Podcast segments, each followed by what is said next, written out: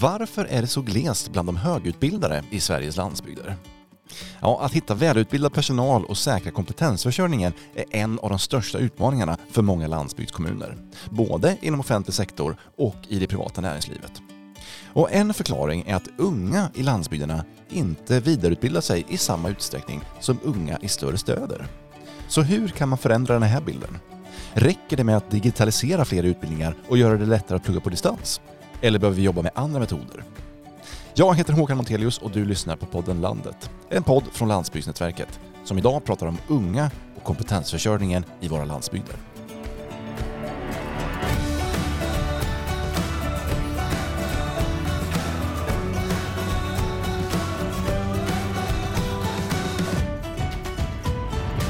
Ja, i dagens avsnitt ska vi fokusera på kompetensförsörjningen i just landsbygderna utifrån ungas perspektiv och behovet av ung inkludering. Vad krävs för att få in fler unga i högre utbildning och tillvarata dem som en resurs? Det ska vi prata om idag. Och därför säger jag varmt välkommen till dagens panel. Först och främst Karin Åkerman, omvärldsanalytiker på MYH, Myndigheten för yrkeshögskolan. Hej Karin! Hej hej!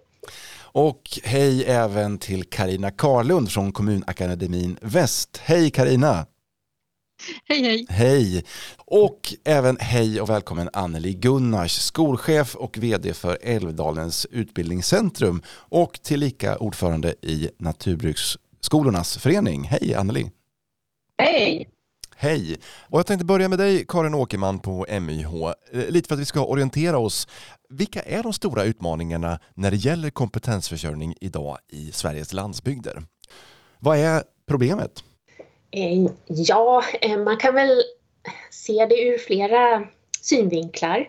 Ehm, det finns ju stora specifika kompetensbehov i hela vårt land Ehm, och eh, en del som sagt är att eh, de unga eh, ska kunna hitta de här utbildningarna. Så bra vägledning är ju en del. Ehm, men vi behöver ju också ha samverkan mellan olika aktörer.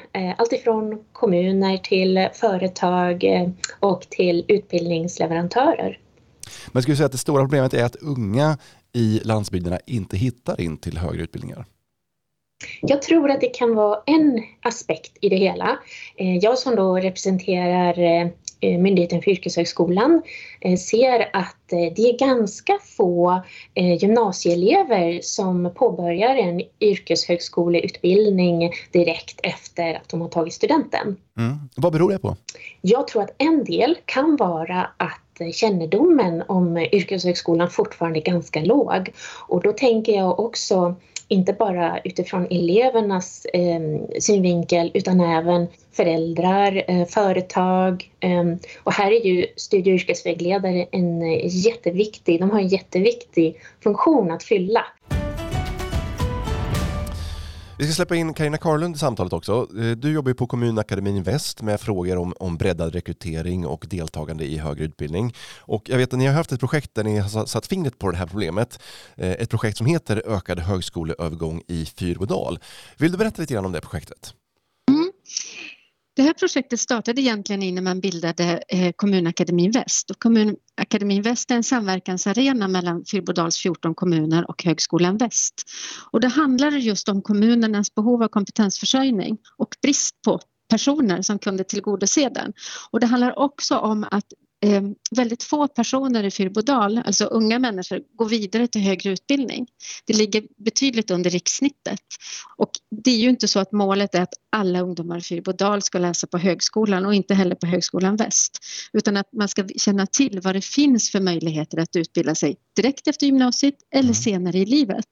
Och vi tittar på det här med eh, studie och yrkesvägledning tidigt i skolan. För det är ju också så att våra barn och ungdomar de känner inte till så väldigt många yrken mer än de traditionella. Och när man pratar om dem i skolan och bjuder in så bjuder man nästan alltid in liksom en brandman och en polis och sådär. Och det är ju inte så många som blir brandmän och poliser. Så vi har ett delprojekt som heter Vad ska du bli när du blir stor? Och som vänder sig till förskoleklass och upp till årskurs 6. Och det vi gör är att vi pratar yrken brett vad behöver man för yrken i ett samhälle? Vad finns det för yrken idag? Vad skulle det kunna finnas för yrken i framtiden? Och så vidare. Och så försöker vi liksom hitta bortom brandmännen och poliserna och, och, och hitta andra saker också som man gör. Men du, eh, vad har resultatet blivit av det här projektet och hur har responsen varit? Responsen har varit jättefin skulle jag vilja säga. Vi har ju flera olika delprojekt. Dels ska vi initiera nya tankar och idéer om hur man kan arbeta men vi ska ju också utvärdera existerande modeller och metoder. Och vi tittar också på lärosätets arbete. Det är ju också så här att, att, att lärosätena måste ju också bli bättre på att möta olika grupper, inte bara möta eh, de personer som har en utbildningsbakgrund. Vi ska släppa in Anneli Gunnars i samtalet också eh, från Älvdalen. Eh, från ditt perspektiv då, eh, både från en, en eh, glesbygdskommun och som eh, ordförande i Naturbygdsskolornas förening. Vad är din bild kring den här problematiken kring kompetensförsörjning?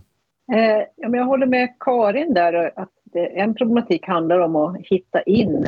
Eh, för vi vet eh, att det finns många bra exempel och att kunna synliggöra det. För i grunden så handlar det ju också om, om attityder och värderingar som styr det här, var, var vi hamnar. Så att syvar och så är viktiga, men att eh, också förväntningar. Vi säger ju det här att utbildning går i arv.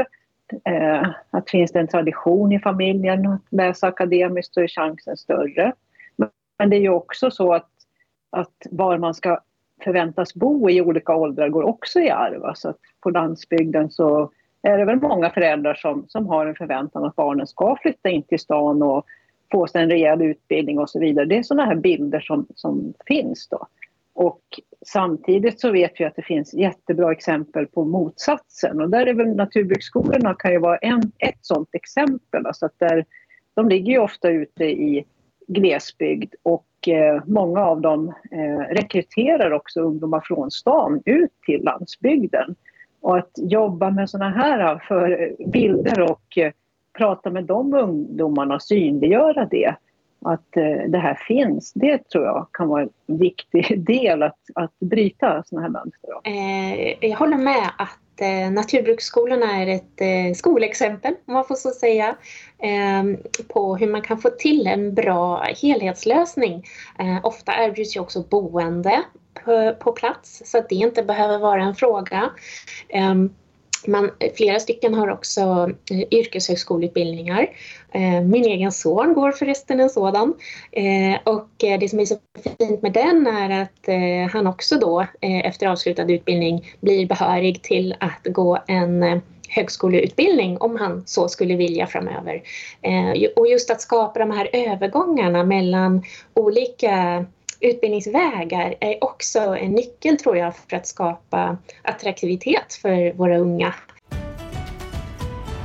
Men eh, om vi ska stanna kvar lite grann vid, vid skillnaderna mellan ungdomar som växer upp i en landsbygd och ungdomar som växer upp i en, en, stad.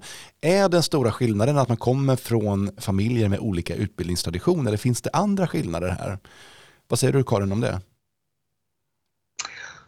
Oh, komplex fråga. Eh, går jag bara till min egen familj så är vi en kombination av en akademiker och eh, eh en, eh, en brandman. så att vi, vi, är en kombo och då har det blivit eh, barn därefter, eller på att säga. Men de, de, har gått sina egna val, eller vägar, förlåt. Men jag tror att, ja, Eh, eftersom jag har en god kännedom om utbildningssystemet och eh, också har jobbat med att stärka studie och yrkesvägledningen tidigare på Skolverket eh, så har jag försökt att vägleda mina barn också efter bästa förmåga. Ehm, och jag tror att det kanske har, har gjort att de har blivit öppna för olika alternativ utan att känna att det ena är bättre eller sämre än det andra. Karina, mm. vad säger du? Mm. Ja, och sen tänker jag att mycket handlar just om det här med föräldrars utbildningsbakgrund och det här att vi ärver. För om man tittar på storstäderna så är ju det också väldigt, alltså det är ju inget, inget bra mått att rakt av konstatera att, att unga i storstaden går vidare till högre studier, för det gör man inte. Det beror på var i storstaden du har vuxit upp och det beror på dina föräldrars utbildningsbakgrund. Och där kan vi ju se att, att, att eh, på landsbygden så är utbildningsbakgrunden lägre därför att det, är, alltså att det finns traditionellt andra sätt att arbeta än som det som kanske har krävt högre utbildning och att man har blivit kvar. Det jag kan tycka är lite, eller det jag känner att vi måste liksom eh, tänka mycket, vi som jobbar med de här frågorna, det är ju hur ungdomar upplever det, alltså hur, hur ser man på att bli kvar och verka på sin egen ort? För det ligger lite grann någon form av krav på, du är lite inne på det Anneli, att föräldrar har förväntningar på att man flyttar iväg och så. Och det kan man ju göra, men det viktiga är ju då om man återvänder efter sina studier därför att man ju faktiskt behöver den här arbetskraften och den kompetensen. Men en del ungdomar uttrycker det ju också så att man ses som förlorare när man blir kvar. Medan eh, urbana personer som flyttar till glesbygd eller landsbygd, de är liksom lite fräcka och hippa. Det finns ju till och med tv-program om det. Du lyfter en jätteviktig aspekt där, för eh, det kan ju att man, kommuner fokuserar på äh, återvändare, att få utflyttade att vända tillbaka och att de får mycket stöd mm. och, och information. Äh, men jag tänker att det är minst lika viktigt att också hylla de som väljer att stanna kvar och att uppmärksamma de ungdomarna. Äh, de är ju jättevärdefulla. De har ju också gjort ett val faktiskt, att bli kvar på orten. An Anneli, Ja, jag, ska, jag ska bara bolla in Anneli här också. Vad är, vad är din bild av, av, ungdomar i Älvdalen? Försvinner alla efter gymnasiet? Ja, alltså det finns ju en sån, eh, sån trend även här att, att, eh, att man vill flytta iväg. Och eh, det är till och med så att det finns en tradition att flytta iväg när man ska läsa gymnasiet. Redan där, i det skedet, att det är då man flyttar då, framförallt tjejer då. Så att jag tror att precis som Karin är inne på, att man, man behöver arbeta med ungdomar och öka kontaktytorna då mellan också oss i utbildningar och eh, politiker och vuxenvärlden att, att uh, möta och lyssna och eh, fånga upp vad de här ungdomarna tänker och vad de har för föreställningar om hur framtiden ska se ut. Och där tror jag att det finns mycket att bygga på redan. Karina, du håller med? Mm. Men sen tänker jag också på det här med lärcentras roll och hur man också skulle kunna få lärcentra till en väldigt bra mötesplats mellan gymnasiestudier, yrkeshögskola och högskoleutbildning. Att man liksom möts på samma ställe och ser varandra och pratar med varandra och inspirerar varandra. Det finns ju en tendens att man vill liksom särskilja att, att gymnasieutbildning, vuxenutbildning är en sak och högskoleutbildning är en annan sak och så någonstans så ligger då också yrkeshögskola. Men jag tror att vi behöver liksom köra ihop dem, ha eh, en mindre, en mindre ställe där man möts ibland och träffas. Men just mötet där tror jag är jätteviktigt för att se olika vägar. Mm. Vi ser ju också att eh, själva formen för hur undervisning och utbildningen bedrivs håller på att förändras och eh, andelen distansutbildningar hos oss det ökar. Och det tänker jag också är en faktor som, som bidrar till utbildningars tillgänglighet. Eh, och lägger man då därtill eh, att det finns lärcentra dit man kan gå eh, för att studera och ta del av sin utbildning och kanske också träffa studiekollegor på utbildningen så tror jag att vi har en väldigt bra kombination. Vissa utbildningar eh, och vissa utbildningsorter har ju högre status än andra. De ses helt enkelt som, som finare. Och vissa yrken har ju högre status. Vilken roll tror ni det här spelar? Alltså just statusfrågan.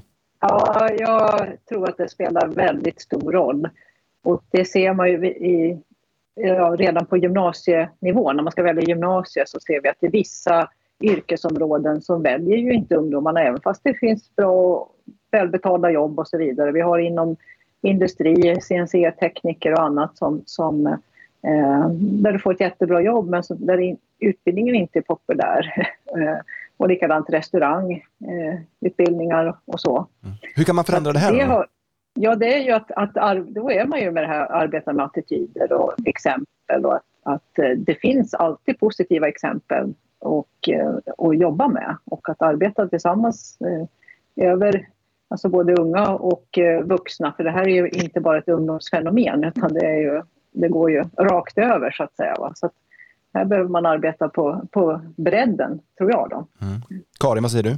Ja, och jag som då bevakar särskilt eh, teknik och tillverkning eh, i mitt arbete eh, ser ju att eh, Eh, Eh, yrkesrollerna inom industrin till exempel, eh, de, blir mer, de kräver mer och mer avancerade kunskaper, eh, mer kompetens. Ehm, och de är, det är välbetalda jobb. Ehm, men jag tror att ett led i detta kan vara att företagen måste synliggöra mera. De kan hjälpa till här uh, genom kontakt med studie och yrkesvägledare, samarbeta med lärcentra, vara delaktiga i um, möten med föräldrar och eh, elever. Um, att också visa upp vad är det, hur jobbar man inom industrin idag? Eh, det är en väldigt avancerad teknisk eh, miljö i många fall eh, och bilden, eh, eller verkligheten håller på att förändras och jag tror att den bilden behöver vi eh, hjälpas åt att, att ge också till eh, våra unga. Karina? Ja, absolut. Jag håller helt med Karin i det här. Och som en del i det projekt som vi arbetar i så tittar vi också på det här med att bygga upp en alumnbank. Och vi skulle vilja bygga upp en bred alumnbank som helst ska ligga på Skolverkets sida där man kan gå in och klicka och hitta vad som finns inom den egna regionen. Alltså en alumnbank, berätta lite grann, vad är det? Alltså, någon form av, ja, av databas? Det är där... som, ja, det är personer som redan är verkes, yrkesverksamma som har gått olika utbildningar och som har ett yrke och som då går tillbaka till eh, kanske den egna skolan eller till andra skolor och berättar om både vad de arbetar med men också lite grann om sin utbildningsväg dit.